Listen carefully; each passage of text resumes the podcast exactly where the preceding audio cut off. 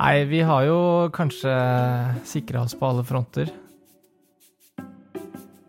Rikelig med regntøy, rikelig med skift, rikelig med bodyer og ull og ja, you name it. Vi har en sånn liten eh, boks som du kan holde varm med en gaffel oppi, som fungerer litt som en termos. Så da blir det å legge noe varmt oppi der som hun kan ha med seg. Pasta eller litt eh, ris og litt uh, forskjellige grønnsaker oppi. Vi får se. Ja. Vi merker at hun er veldig knytta til oss. Uh, Så hvordan det blir med andre personer som plutselig skal ta vare på henne, er vi veldig spent på. Jeg tror kanskje andre dagen eller tredje dagen hvor vi kanskje forlater henne, blir det rare. Å vite at hun er et sted på en måte utenfor vår kontroll, og ikke vite hva hun gjør sånn rent eh, fysisk for å kunne se henne, det blir det rareste.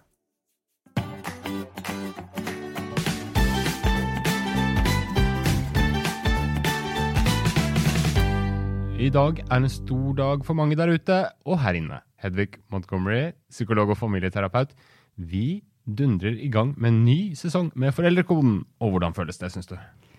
Da må jeg si, Nå har jeg gledet meg i så mange uker. Eh, Så jeg er kjempeglad for å sitte her sammen med deg og være i gang med en ny sesong. Og for de som ikke har hørt på denne podkasten før, dette er altså en podkast om barneoppdragelse, forsøksvis uten bruk av pekefingre, mer som en turkamerat, kanskje, i tidvis ulendt terreng. Men det er en stor dag for mange der ute også. Det er barnehagestart og skolestart for mange denne uka. Og hva tror du, Hedvig, er den mest dominerende følelsen der ute nå? Og det er klart Dette er en stor overgang, og det er en stor milepæl. For enten du skal begynne i barnehage eller begynne på nytt barnehageår, eller om det er en nytt klassetrinn som du strekker deg som barn opp mot. Som forelder lever du jo så mye sammen med barna dine og lever i den forventningen, og også lille kilingen i magen det er når noe nytt skal starte. Litt godt vondt? Litt godt vondt.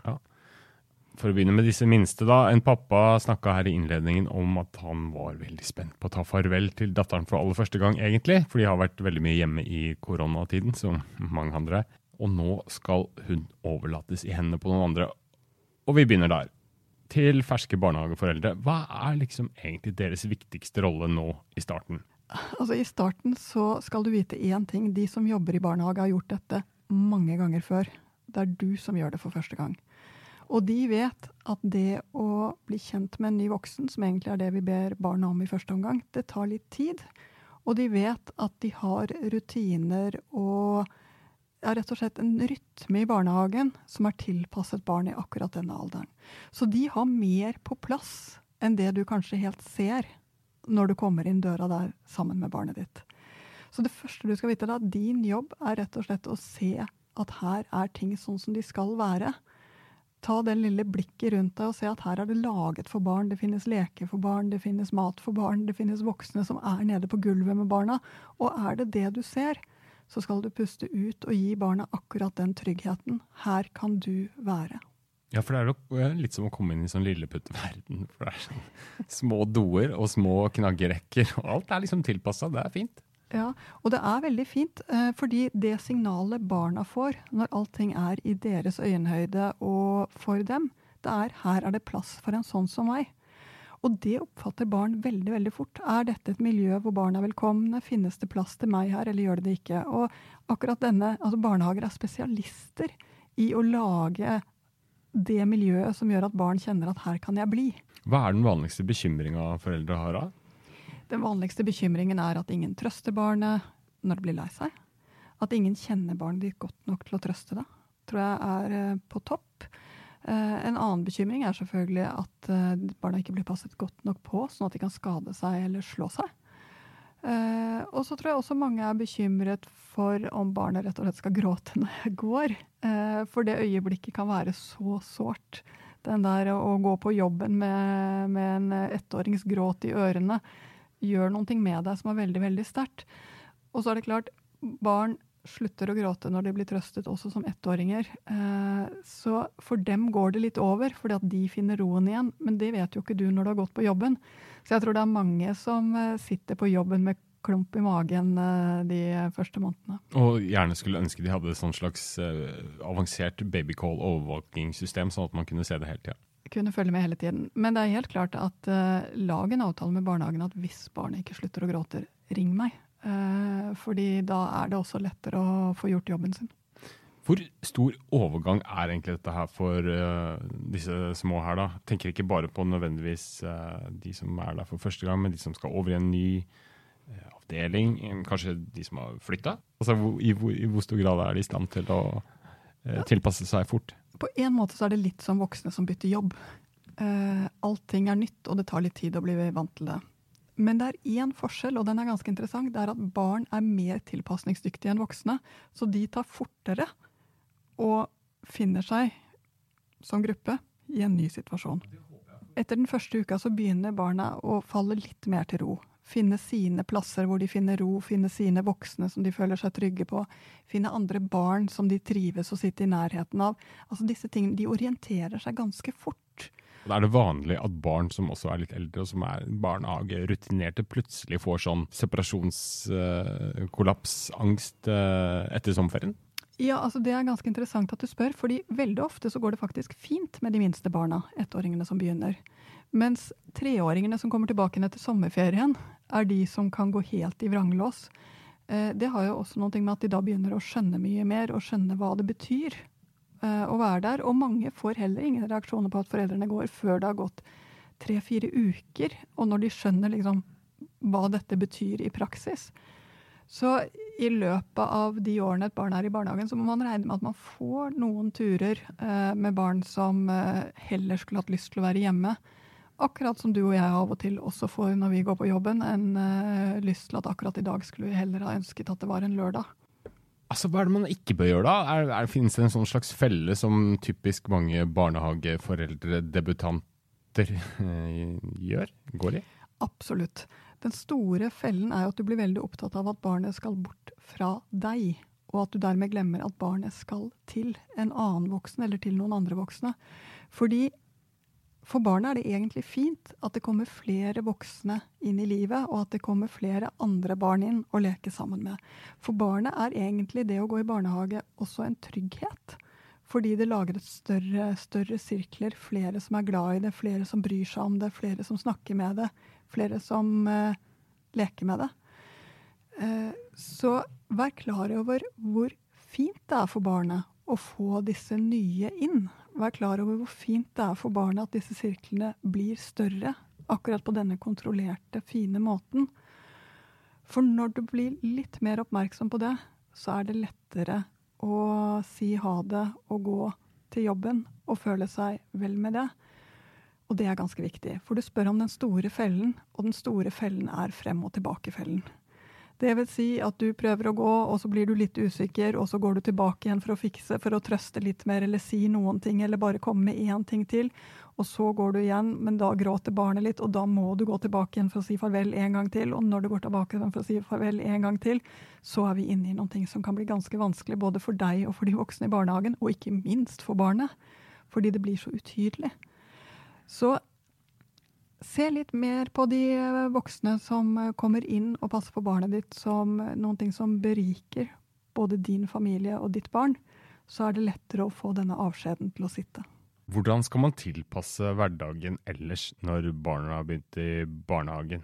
Altså, jeg tror det er noen ting du bare må være litt forberedt på. Og det ene er at det er vanlig at barna faktisk begynner å sove litt dårligere når det er så mye som skjer i livet deres. Det kan godt være at du får noen flere oppvåkninger om natta og litt mer uh, uro om kvelden enn det dere har hatt i det siste. Og det er rett og slett fordi at det er så mye tankevirksomhet for de små om det som skjer i, på dagen deres akkurat nå.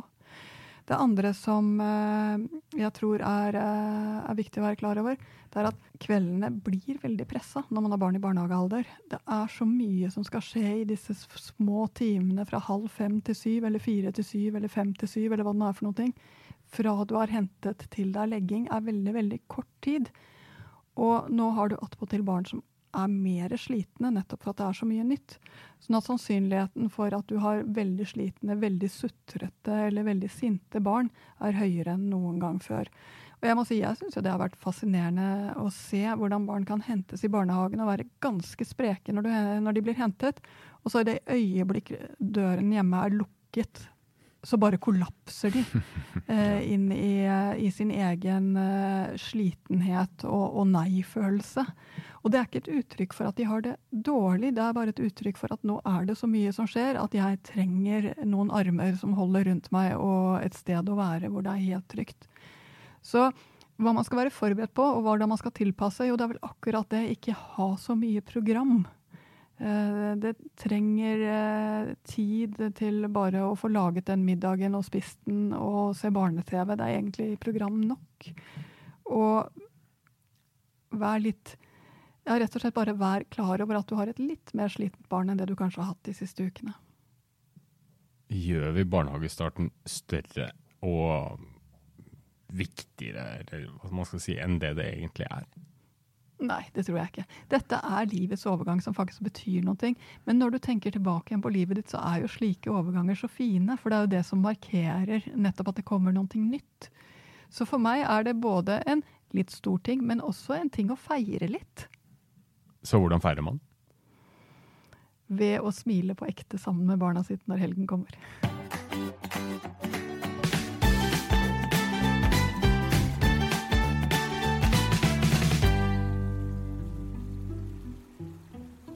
Spent på den jeg skal få i klassen min, og hvilken lærer jeg skal få. I hvert fall jeg tenker Vilde og Sara. Jeg syns dette er veldig stort. Det, jeg syns det er så flott og så fantastisk at vi har ei jente som skal begynne på skolen. Jeg kommer til å være veldig spent. Og så er jeg en person som blir lett rørt og litt sentimental. Så eh, ja, det kommer til å være et uh, blanding av uh, masse gode følelser. Jeg heter Gro Elin Hansen. Jeg heter Arnte, og jeg er pappa til Oda. Jeg er veldig spent på det med hvem kommer hun i klasse med, hvordan reagerer hun hvis hun ikke kommer med samme de hun har øverst på ønskelista si. Eh, ja, hvordan blir, blir, de mottatt av eh, lærerne? Det er veldig spennende å se. Men jeg gleder meg til det. Jeg tror det går bra, men uh, jeg er spent, jeg. Så nå har det lekt mye med jenter. Og da lurer jeg på om det kommer til å bli sånn, om det liksom blir sånn gutter som leker med gutter og jenter med jenter, eller om om du kommer til å leke med gutter og jenter. Kanskje pappa har rett? du får en is til. Men er det ikke gøy å leke med gutter, Oda? Jo, Nikolai og Erlend. Ja. Mm. De lekte jeg masse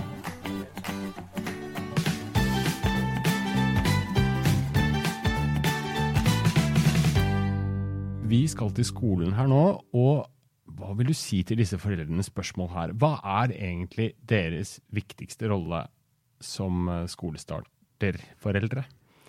Altså, det å starte på skolen er virkelig, virkelig en markering av at du har gått fra å være et lite barn til å bli et større barn. Og barn i fem-seksårsalderen strekker seg inn mot dette store, stort sett. Eh, noen er fortsatt litt for små, Eh, men de fleste førsteklassingene gleder seg over å strekke seg inn i storbarnstiden. Gleder seg til det som skal komme.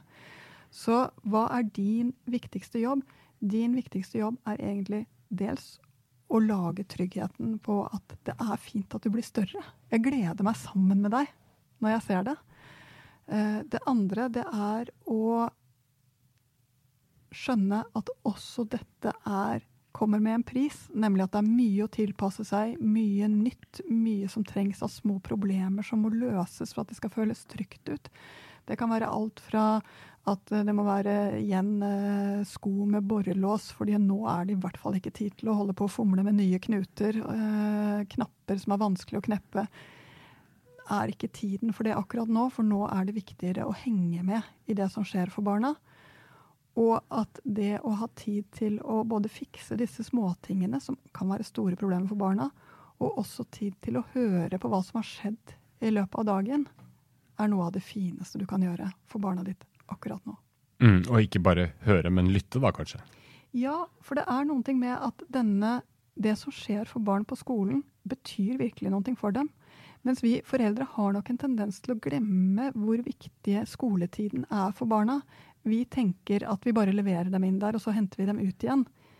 Sånn er det ikke i det hele tatt. Det er nå de begynner å lete etter uh, sine å leke med, sine å være med, sine interesser. Det er disse Barneskoleårene betyr så mye for identitetsutviklingen. Så øv deg helt fra første klasse på å faktisk interessere deg for det som skjer på skolen. Eh, du har vært uh, innom uh, tidligere altså at uh, i denne alderen, 5, 6, 7, så skjer det noen hopp, eller hakk, som du har kalt det også, i barnas utvikling, i den mentale utviklingen, altså hjernen. Hva innebærer det egentlig? Altså, det er jo noen ting som gjør at det både er en bra og en dårlig tid å starte skolen på. det bra er jo nettopp dette ønsket om å være stor, denne strekkingen inn i en ny tid. Det slitsomme, spesielt for foreldre, er at det faller sammen med en tid hvor de begynner å ta tak i de sterke følelsene sine. Så vi får ofte mer emosjonelle, mer følelsesutbrudd hos seksåringen enn det vi hadde et år tidligere. Så de elsker og de hater, de smeller med dører, og de eh, er intense på en ny måte. Som kan virke ganske overraskende på foreldre. Eh, en annen ting som skjer, er at fordi de går dette hakket i hvordan de forstår verden, de begynner å se ikke bare fra sin egen innside, men se seg selv mer fra utsiden, de begynner å skjønne sammenhengene på en ny måte, at det er en så stor utvikling at de både blir distré og direkte glemske. Mm. Eh, og mer slitne. Så det betyr at uh, dette første skoleåret så orker de faktisk mindre etter skolen enn det de orket etter barnehagen året før. Ikke bare fordi skolen er ny, men også fordi det holder på å skje noe fantastisk inni hjernen deres. Så da er trikset å virkelig ikke dynge på da, skjønner jeg, med andre ting sånn etter skoletid? Da er virkelig trikset å tenke at det finnes mye vi kan starte med senere. Ja, og du tenker på sånne aktiviteter og sånn? Ja. Skal de ikke drive med noen ting? Det kommer jo litt an på, fordi barn er forskjellige. Men skal de gjøre noe etter skolen, så er absolutt én dag i uka nok. Eh, for de trenger tid til å hvile hjemme, til å finne roen hjemme, til å være sammen med dere, til å være med søsken eller venner. De trenger tid til å ikke gjøre noe som syns. Hvis barna da ikke trives med dette nye greiene, er kanskje litt skummelt. Og eh, et poeng er jo at eh, de skal jo inn i tilværelse i det som vi i voksenverden kaller åpent landskap. Et svært eh, klasserom. Og kanskje begynner de å grue seg og vil ikke gå på skolen i det hele tatt. Hvordan skal man best håndtere det sånn i starten når man skal i gang med ja, ti år? Heldigvis så skjønner de like lite omfanget av ti år som det vi gjør. Ja. Og det er nesten skummelt når du står der med en nydelig fem-seksåring og tenker ti år frem i tid at dette er en som kommer til å gå ut som en gigantisk 15-16-åring. Eh, det er litt av noen år eh, dere skal gjennom. Jo, hvis du har et barn som gruer seg, og det er det faktisk ganske mange som har, så tror jeg det viktigste å gjøre for barns del, er å si jeg vet allting er jo litt nytt, men vi tar det bit for bit eh, og løser litt av det hver eneste dag. Altså, ikke prøv å løse det i forkant. Ikke tenk at barnet må glede seg, eh, eller at du skal overtale barnet til at dette er fint. Tvert imot så kan det til og med være smart å si ja, kanskje hadde jeg litt på samme måte når jeg tenker meg om, og så gikk det helt fint etter hvert. Altså vis den der forståelsen av at det er en overgang, og at du blir ikke borte. Du kommer til å være sammen med barnet hver eneste dag, også gjennom hele dette skoleåret. Vi skal en rask tur tilbake til bakgården på Sandaker i Oslo. Der brenner foreldrene til skolestarter Oda inne med ett siste, men viktig spørsmål til Hedvig. Ja, Det er en ting vi lurer på, og det er jo at eh, Oda er ei veldig sosial, veldig utadvendt jente. Glad i folk, glad i å bli kjent med nye, og eh, flink til å ta plass, og det syns vi er veldig bra. Og så um, har vi jo observert og hørt og lest om at ofte jenter, når de begynner på skolen, så etter hvert så blir de mer forsiktige. Og glir veldig mange inn i denne her en såkalte flink pike-rolla. Og eh, er ikke helt eh, begeistra nødvendigvis for det. Så vi lurer litt på hva, hva kan vi gjøre for å si, motvirke det. Eh, demme opp om det, og unngå at eh, det blir for mye flink pike-syndrom. må jeg si at det, er, det der eh, er jo noe som henger sammen med my mange ting. Men for å svare helt presist på det, så tror jeg at det å fortsette leke, herje og være med denne nydelige utadvendte jenta er det som skal til. For hun opplevelsen av at hun er bra sånn som hun er, hjemme hos dere, så vil hun gjøre mye mindre tilpasninger andre steder også. Så det er en fin ting. Og så ville jeg også vært forsiktig med nettopp å berømme henne for å gjøre de flinke tingene. Bare si ja, fint, når hun har gjort noen ting som andre hadde applaudert veldig mye for. Og så si skal vi gå og spise en is. Uh, altså, rett og slett vise at du er glad for å være sammen med henne som hun er, mer enn for det hun gjør når hun uh, gjør f.eks. leksene sine. Og leksene er et veldig bra sted for foreldre til å koble seg på hva som skjer på skolen, og kanskje se hva akkurat ditt barn trenger av input. Fordi noen barn trenger av input når de sitter der og skal fargelegge de, den ene prikken blå og den uh, med to plikker rød osv. De kan trenge input på at prøv litt til, gjør litt til. Du får til noen flere her i dag. Mens andre barn trenger faktisk det motsatte. Vet du hva, nå har du gjort det du har gjort så fint, og vi har holdt på så lenge, så nå uh, går vi og ser litt på TV sammen istedenfor. De trenger rett og slett tid til å gi seg i tide, uten at allting er perfekt. Og det er det som er så fint når du står der med en førsteklassing. Da har du mange år på deg til å skru til foreldrerollen, sånn at den, eh, det rett og slett hjelper barnet til å finne sin trygghet. Så man skal ikke overdrive entusiasmen over prestasjoner for tidlig? Noe sånt noe? I hvert fall ikke hvis du har en som har en tendens til å overprestere. Mm. Eh, da kan de trenge hjelp til det motsatte, nemlig at det går bra uansett. Men det er ikke så lett å finne den balansegangen mellom å ikke å skulle liksom eh, fremelske prestasjonsorientert tenkning og det å likevel skulle motivere og pushe og, og hjelpe de litt framover, da. Det kan du si, men barna lærer seg å lese og skrive og regne gjennom at de føler seg trygge når de holder på med disse aktivitetene, og at de kjenner at det er nyttig og, og går inn i en slags større fellesskap når de gjør det. Eh, de lærer seg så ikke så mye av å forstrekke seg, kanskje tvert imot. De lærer seg av å høre til og, og kjenne at dette får jeg til. Så det å, å, drive med denne balansegangen her, som vi i og for seg har snakket om før i forhold til lekselesing, og som vi sikkert kommer til å snakke om igjen, det er jo virkelig skoleforeldrenes uh, En av de viktige øvelsene for, uh, for barneskoleforeldrene. Ja, dette er jo ikke noen som begynner på en ny skole nødvendigvis, eller det kan det jo også være, da, men, men det er likevel um, noe som skjer i en bestemt alder som gjør at det kanskje er mye fremstår som nytt likevel. Er det ikke det? På mellomtrinnet. Jo, jo. altså Når du begynner i femte klasse, så er det mye som er nytt. Helt på ekte. Eh, stort sett så bytter man lærer, stort sett så eh, kommer det nye fag inn. Stort sett så blir det litt mer lekser, faktisk i starten ganske mye mer lekser for mange. Eh, og litt mer ansvar. Så dette kommer samtidig med at barna også blir veldig opptatt av å finne sin gjeng, sine venner, sin gruppe. Så det er mye nytt som skjer når de begynner i femte klasse.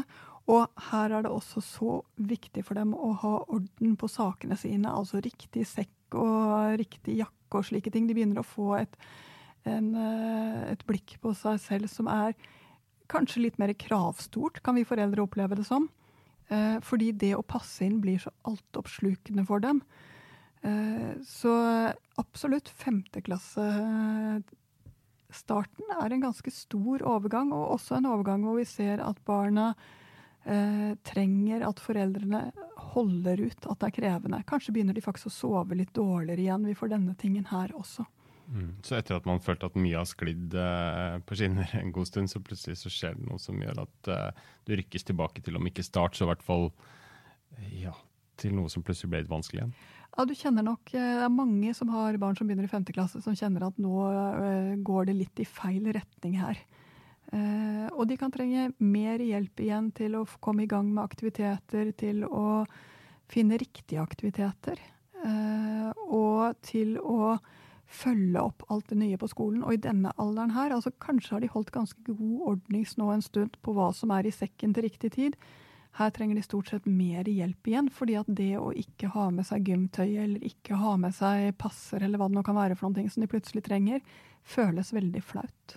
Og da er det kanskje fort gjort å tenke at nå er du så stor, nå må du kunne klare dette selv og bli litt sånn halvsur. Det er feil strategi, da skjønner jeg. Ja, jeg må bare si at det, det, er i hvert fall en strategi som gjør at du ikke får lov til å hjelpe etterpå. Eh, og barnet kommer til å trenge hjelp av deg mange år fremover. Så eh, bare regn med at det kommer, og ta det litt som en, eh, som en fin måte å gjøre deg til en hjelper for barnet på. Fordi når vi går tilbake igjen til dette båndet, så er jo nettopp det at barnet har et sted å gå og hente trøst og trygghet når det er vanskelig, er en veldig viktig del av foreldreoppgaven. Uh, og det stedet for en tiåring er nettopp å komme for praktisk hjelp. Så det betyr mer enn du kanskje tenker. Det er nystart også for de litt eldre barna. Vi skal opp noen trinn. Mange skal begynne på ungdomsskolen, selvfølgelig. Og det er jo ikke noen liten overgang det heller, selv om barna nå er større. Hvor delaktig skal egentlig foreldrene være i oppfølgingen og eh, støtten og alt mulig når barna begynner på ungdomsskolen? Da må jeg bare si at Barn er jo veldig forskjellige hva de lar deg få lov til å være. Ja. Eh, det, I deres øyne så er det nok mange barn her som føler at de ikke trenger foreldrene sine så mye. Eh, og så kan alle vi som en gang har vært 13 selv, huske tilbake igjen og vite at det er faktisk ganske mye du trenger hjelp til når alt kommer til mm. stykket. Eh, så jeg hadde med ungdomsskoleelevene Sett deg inn i hva som skjer, sett deg inn i timeplanen, hold et lite sånn overblikk, men ikke press deg på. Det er din nå nyutsprungne tenåring, eller snart tenåring, som sitter i førersetet. Det er bare det at du sitter ved siden av som sjåførlærer med et ekstra sett pedaler. Så man skal ikke ta for stor plass, på en måte? Altså, nå må det bare sies, Dette er jo en alder hvor eh, barna ofte syns at du er litt pinlig. Mm. Eh, plutselig så blir de klar over at du har viker eller feil klær, eller eh, at kroppen din siger i en eller annen interessant retning, stort sett nedover. Eh, plutselig får de det litt kritiske blikket på sine foreldre og sitt hjem. Eh, og det er klart, da er det ikke sånn at de skyver deg foran seg. De gjemmer seg ikke i eh, skjørtet ditt. Men det betyr ikke at de ikke er redde. Det betyr ikke at de ikke trenger å holde seg fast i det buksebeinet. Det er bare at det skjer på privaten, ikke i full offentlighet. Uh, og siden du var inne på at det skjer en overgang i tide i uh, seksåringens hjerne, det skjer også en stor overgang i denne i den pubertale hjernen, som gjør at de glemmer mer, roter litt mer, føler seg dårligere kanskje enn det de gjorde for et år siden. Så det er igjen en fase i barnas utvikling. Det er liksom 6- og 13-åringen som trenger at du fyller litt umerkelig inn, sånn at det ikke blir for vanskelig for dem. Vi skal senere denne sesongen hadde vi tenkt, ta opp motivasjon og mangel på motivasjon eh, for skolearbeid og andre ting. Men for å snakke litt om det nå, når vi er inne på skolen, hva gjør man hvis, hvis barna ikke ser poenget med skolearbeid fra dag én, nærmest? At du ser at det sklir i feil retning med en gang. Hva, hva, hva er det beste man kan gjøre da? Hvis barna virkelig ikke interesserer seg for skolearbeidet, så hadde jeg begynt å lete etter hva handler det om. Handler det om at de ikke tror at de kommer til å få det til, eller at de faktisk ikke får til. For det er en forskjell på de to som møtes på litt forskjellig måte, men begge delene trengs at noen tar tak i det så fort som mulig. Hvis de tror at de ikke kommer til å få til, så trenger de hjelp til å se at det gjør de, når vi går gjennom det skritt for skritt. Og hvis de faktisk ikke får til, så trenger vi å finne ut av hva er det for noe som gjør at de ikke får til. Er det en lærevanske? Er det en pedagogikk som ikke passer for barnet mitt? Er det en lærer som ikke har knukket koden for, eh, for hvordan mitt barn lærer? Det kan være forskjellige ting. Og her trenger barna at du er med dem og finner svaret på dette, sånn at de faktisk begynner å lære. Fordi barn er som voksne.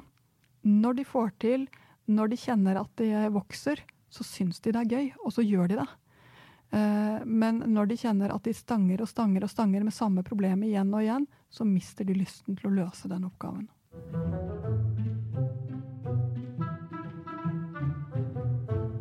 når barna begynner på skolen, så er det veldig masse eh, dikkedarier og masse ritualer som skal gjennomføres. Det skal følges helt inn til pulsen, og det skal klemmes og det skal vinkes og, og, mange sånne ting.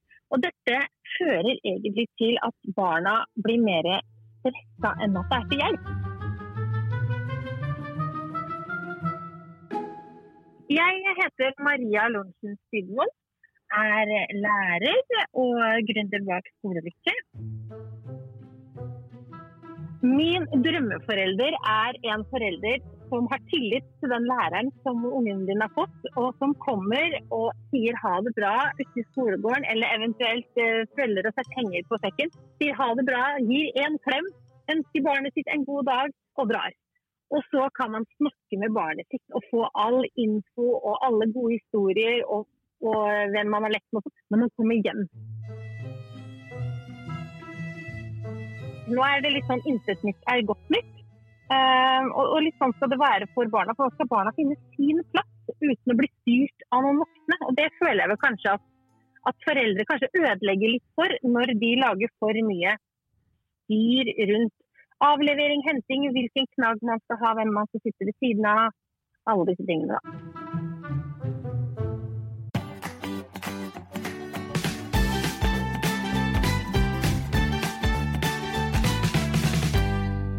Hedvig, eh, skolestart og foreldrerollen sett fra et lærerperspektiv, hadde hun noen poenger, syns du? Det er klart at hun har et poeng i at hvis foreldrene er veldig engstelige, eh, så vil barna fange opp det og tenke at det er en grunn til å være engstelig.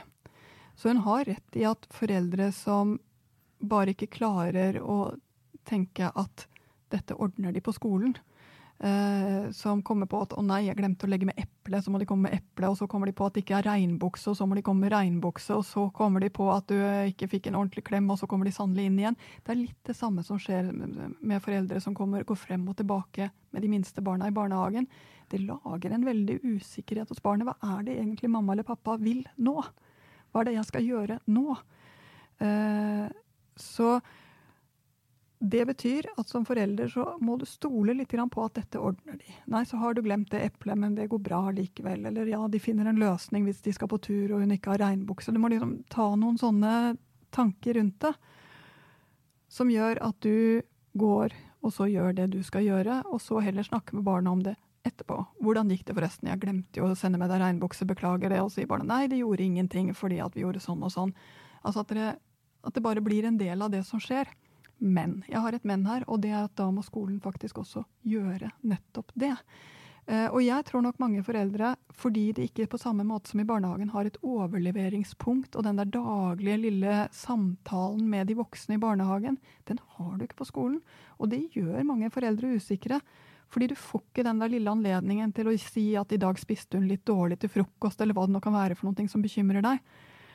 Så du har litt du føler deg jo mer at du bare sender barnet fra deg uten å sende det til noen ting som du har sikret. I et sånt stort svart hull, på en måte? Ja, jeg tror nok det lett blir følelsen. Og jeg tror skolen faktisk har litt en jobb å gjøre her med å si er det noen ting, send en mail eller en SMS, så tar jeg en titt på det. Uh, I løpet av den første timen, uh, eller de første timene, så vet jeg altså at, at de gjør seg mer kontaktbare, og også når det er noen ting som er glemt eller som er feil, at de heller tar det med foreldrene enn at de gir barnet en følelse av å være dårlig eller komme fra et hjem som ikke strekker til. Det er et eller annet med den der kontakten mellom skole og, og foreldre som kanskje ikke er tett nok alle steder ennå, men som jeg også ser er blitt bedre i løpet av de siste årene. For å oppsummere litt på slutten, Hedvig. Hva er det egentlig barna nå trenger fra sine foreldre den neste måneden? For å ta barnehagebarna først. Hva trenger de? Barnehagebarna trenger at du hjelper dem til å trives med de nye voksne og de barna som de nå skal være sammen med, og at du eh, gir dem nok tid til å bare være eh, når de ikke er i barnehagen, sånn at dere får lov til å være litt familie sammen også. Førsteklassingene, skolestarterne der? Skolestarterne trenger at du setter deg inn i alt det som er nytt for dem, sånn at du hjelper dem med alle de små praktiske tingene, og at du gir dem igjen tid til å hvile. De eldre barna, da? Åh, De eldre barna, tiåringene trenger, eh, femteklassingene for å ta mellomtrinnbarna, trenger igjen mer praktisk hjelp enn det du kanskje tror og syns er helt naturlig. Men de trenger også én ting til, og det er at de får lov til å ha litt frihet. De trenger å få lov til å være litt alene hjemme, de trenger å få lov til å gå på butikken. De kommer til å trenge noen sånne små bobler av selvstendighet og hemmelighet for å få lov til å kjenne at de er bra nok. Og tenåringene. At tenåringene trenger at du både interesserer deg og gjør deg litt usynlig. Hva er det de absolutt ikke trenger da, for å ta det store sveipet? Det de absolutt ikke trenger, er din ufiltrerte bekymring. Det de absolutt ikke trenger, er at du belemrer dem med alt du er redd for skal skje. Det bør du ta med de voksne i barnehagen eller skolen, og du bør ta det med voksne venner, ikke med barna dine. Det var det vi hadde i denne første episoden i ny sesong. Vi kommer tilbake med mer neste mandag, mandagen etter der og mandagen etter der osv. Meld dere gjerne inn i Facebook-gruppa vår for å diskutere ulike aspekter ved barneoppdragelse med andre foreldre. Og så må vi få takke de som stilte opp for å lage denne episoden sammen med oss. Det var Robin Caspersen og datteren Thelma, skolestarter Oda med foreldrene Gro Elin og Arnte, og her til sist lærer Maria Lorentzen Spydevold. Ha det bra!